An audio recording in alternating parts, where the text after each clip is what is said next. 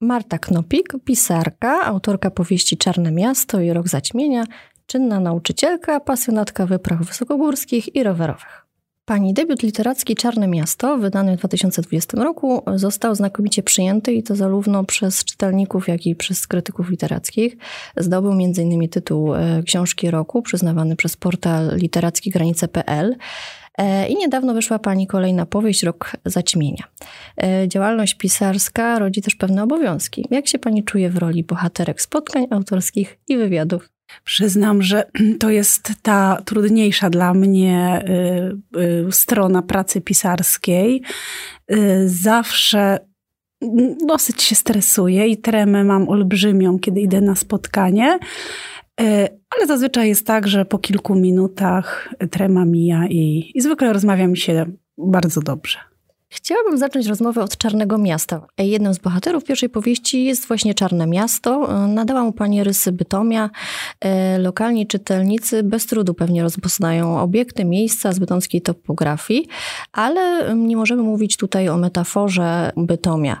E, niemniej Bytom jest dla pani z pewnością inspirujący i poruszający. Bardzo ważne jest dla mnie właśnie to rozróżnienie, które tutaj zostało wspomniane, że Bytom jest inspiracją, e, ale Czarne Miasto miasto to nie Bytom.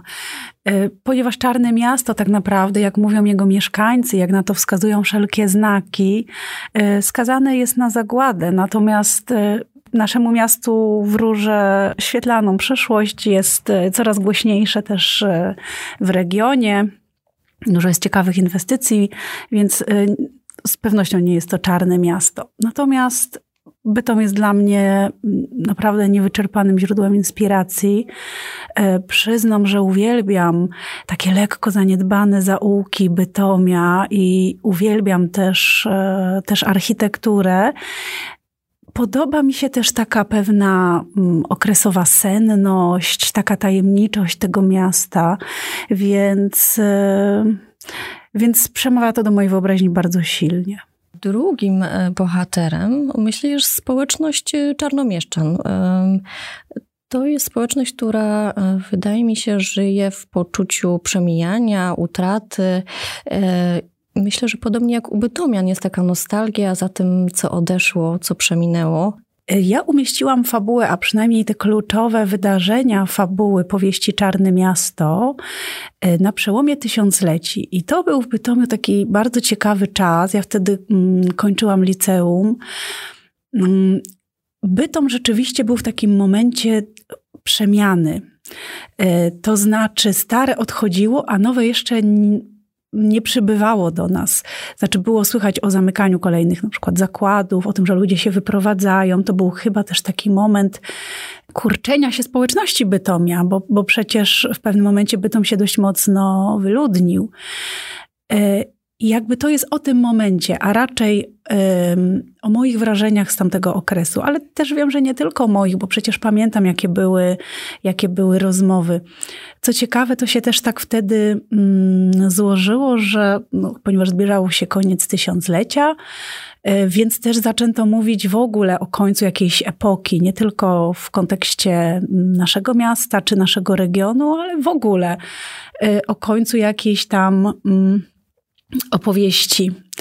I y, no nie wiem, pewno, pewno pamiętacie, była taka Mm, plotka o pluskwie milenijnej, że przestaną działać wszelkie technologie i że to będzie początek końca. I gdzieś tam te wszystkie opowieści wtedy mi się wydawały tak bardzo spójne i też to, co oglądałam, wydawało mi się jakby mm, potwierdzające. Chociaż oczywiście nie wierzyłam w koniec świata, bo to jest tak, że, że co chwilę jest koniec świata zapowiadany i rzeczywiście coś się kończy, ale coś innego się zaczyna. E, więc tak jak mówię, to, to bytom i społeczność e, z tamtego okresu. E, w Bytomu rzeczywiście jest pewna, pewna nostalgia. Też było coś takiego zawsze, że, że nas Bytomia trochę łączy to narzekanie i takie wzdychanie za tym, co minęło. My chyba tacy trochę jesteśmy. Więc jesteśmy takimi trochę czarnomieszczanami Przy czym ta społeczność czarnomieszczan to jest e, taka społeczność, w której ja bym chciała żyć, bo to są ludzie życzliwi, którzy chcą się spotykać, którzy się wzajemnie wysłuchają, którzy rozmawiają szczerze ze sobą, tak po prostu. W przeciwieństwie do białomieszczan, którzy w powieści rozmawiają tylko albo o sukcesach, albo o planowanych działaniach i tak naprawdę jakby w ogóle nie zdradzają tej swojej ludzkiej natury. Są takimi trochę automatami, takimi maszynami sukcesu. E, czarnomieszczanie nie mają takiej presji w ogóle. No i jest jeszcze trzeci bohater, czy bohaterowie tego pierwszego planu. Jest rodzina Bobrów, która wprowadziła się do Czarnego Miasta i która musi e, go oswoić. Myślę, że tutaj jest sporo inspiracji z Pani osobistych przeżyć i historii rodzinnych. Czy mogłaby Pani coś zdradzić na ten temat? Tak. Rodzina Bobrów, Wanda Bóbr, Zdzisiek Bóbr i dwie córki, e, Belinda i Bianka, czyli nietypowe imiona, e, zwane są e, w książce siostrami Bebe, bo imiona na B i nazwisko na B. Oni przebywają z Dolnego Śląska. No i to jest też opowieść o mojej rodzinie, która też przybyła z Dolnego Śląska ale na Dolny Śląsk przybyła po II wojnie ze wschodu. E, część rodziny, mm, rodzina dziadków przybyła z okolic e, Starego Sącza, część z e, spod Kielc, część jeszcze dalej ze wschodu. Więc to jest taka, taka opowieść trochę o ludziach, którzy nie mają takiego miejsca, takiej siedziby rodowej. E, nie mają jakiejś, nie wiem, wsi, do której mogą wracać, nie mają takich domów, ziemi, która była z dziada, pradziada, którzy trochę się przeprowadzają z miejsca na miejsce, e, więc nie mają korzeni. Nie mają korzeni, ale mm, może dzięki temu potrafią te korzenie zapuścić tam, gdzie się znajdują. To znaczy, jakby nie czują się wyrwani skądś, bo nie są wyrwani, korzeni nie mieli. E, no i zapuszczają właśnie te korzenie y, w czarnym mieście i chociaż główna bohaterka do końca mówi, że się nie czuje y, czarną mieszczanką, że to miasto ją przerasta, przeraża, bo jest za duże, zbyt skomplikowane, zbyt labiryntowe. Mm, ale jednak wrasta w tą społeczność i się w niej y, odnajduje. A ta właśnie rodzina bez korzeni to jest też właśnie opowieść o mojej, o mojej rodzinie.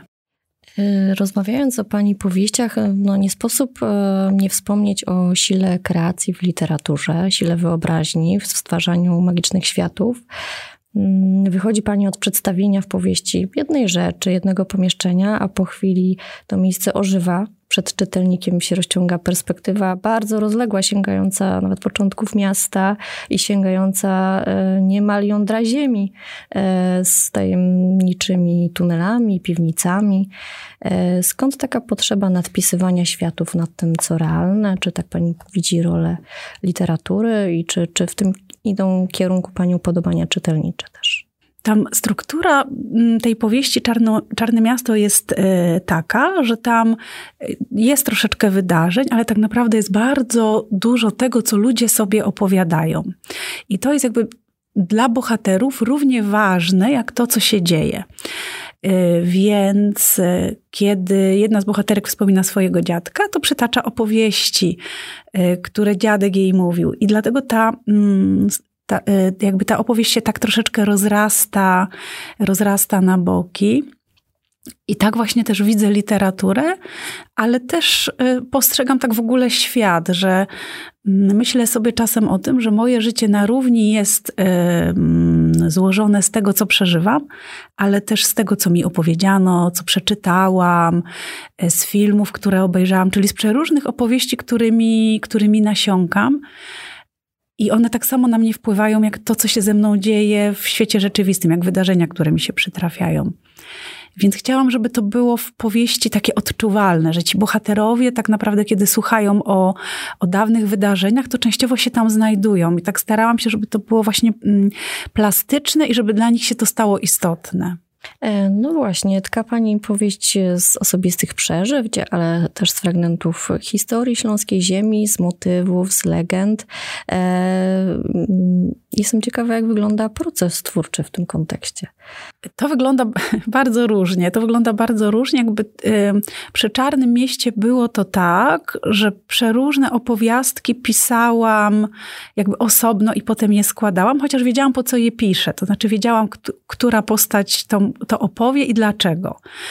E, czyli jak opowiadałam na przykład e, o żałobie Katarzyny i o tym jej magicznym przejściu o północy do innego świata, to dlatego, że było mi to potrzebne mm, w kontekście głównej bohaterki, więc ktoś jej tą historię opowiedział, bo to było dla niej e, ważne i było takim też troszeczkę tropem w fabule.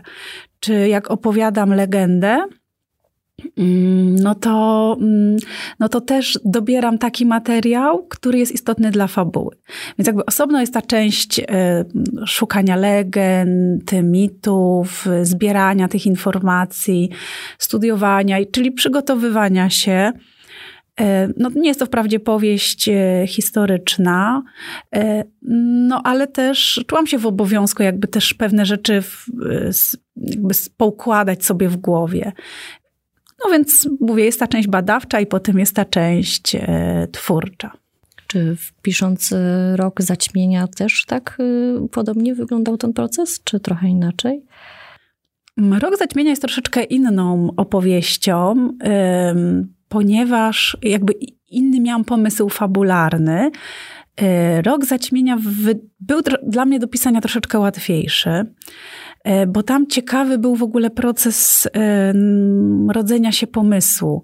E, pomysł narodził się, kiedy byłam w Muzeum Śląskim na wystawie w Galerii Plastyki Nieprofesjonalnej i oglądałam obraz Marka Idziaszka pod tytułem Dzielnica Śmieciarzy. I to jest bardzo ciekawy obraz. To jest obraz namalowany na szkle, niezwykle bogaty w detale. Tam jest cała masa postaci. Marek Idziaszek jest y, byłym górnikiem i, i wywodzi się jeszcze z tego środowiska takich zajęć twórczych y, działających przy zakładach pracy.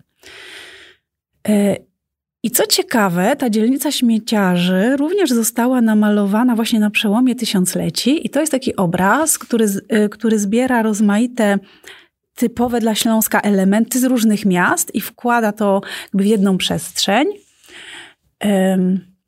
A bohaterowie tego obrazu, a jest ich tam naprawdę niesamowicie dużo, to są właśnie tacy ludzie, jakby, no nie chcę powiedzieć w trakcie apokalipsy, ale widać, że to jest jakby taka sytuacja graniczna w ich życiu. E, I tam e, z tego obrazu po prostu wypłynęła do mnie opowieść, jakby pomysł na fabułę, bo, bo jeden z bohaterów, e, tak bardzo niepasujący w ogóle do całej reszty, jakby nagle do mnie przemówił, że tak, że tak powiem. Więc jak tutaj już miałam pomysł na fabułę, że wiedziałam, że do Czarnego Miasta przybywa taka postać w jakiejś tam sprawie, to jakby już ta fabuła się sama, e, sama napisała. E, więc jest to taka podróż bohatera do niezwykłego świata. E, najpierw ten świat ocenia bardzo sceptycznie, y, ale potem daje, daje się porwać w wir y, wydarzeń. Pisze Pani również powieść młodzieżową, w której znów sięga Pani po legendę. Y, czy łatwiej, czy może trudniej tworzy się powieść dla młodzieży? Bo młodzież to też wymagający czytelnik. I łatwiej, i trudniej. Łatwiej, ponieważ jakby dla młodzieży pisze się troszeczkę prostsze fabuły, to znaczy mniej się daje wątków pobocznych, ale rzeczywiście trudniej, e, bo trzeba się bardzo pilnować, żeby nie uderzyć właśnie w takie przesadne uproszczenie.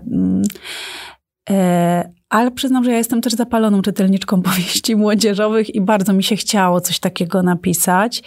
E, tym bardziej, że jako nauczyciel też pracuję właśnie z takimi 11-12-latkami. Bardzo lubię e, ludzi w tym wieku. E, więc, więc bardzo, bardzo chciałam to napisać i daje to też taką dużą swobodę do, do popuszczenia fantazji.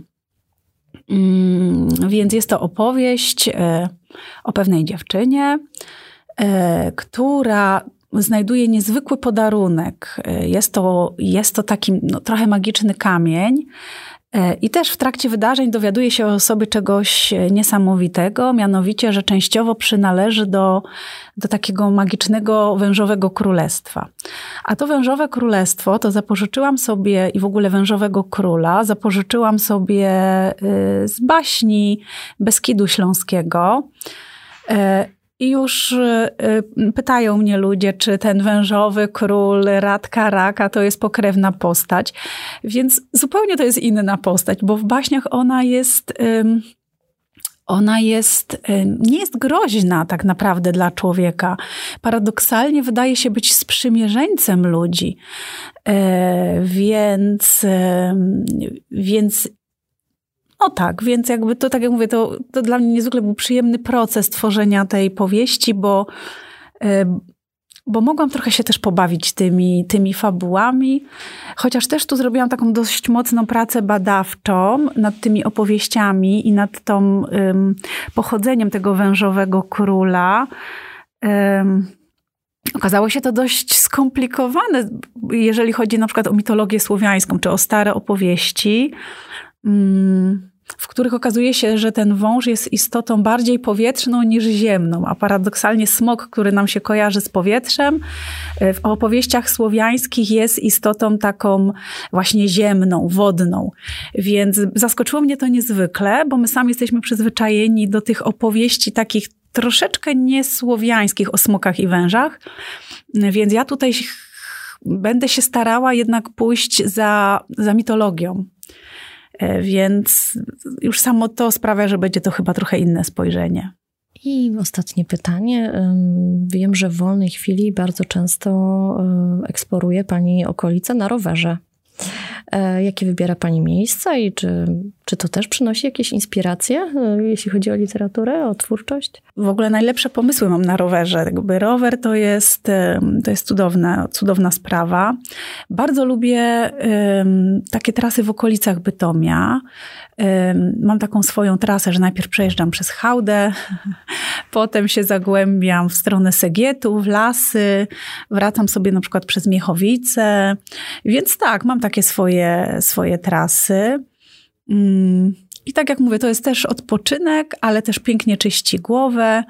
I jeżeli pogoda pozwala, to jeżdżę też do pracy na rowerze. Yy, więc jeżdżę ile mogę. Bardzo dobrze to na mnie działa i polecam.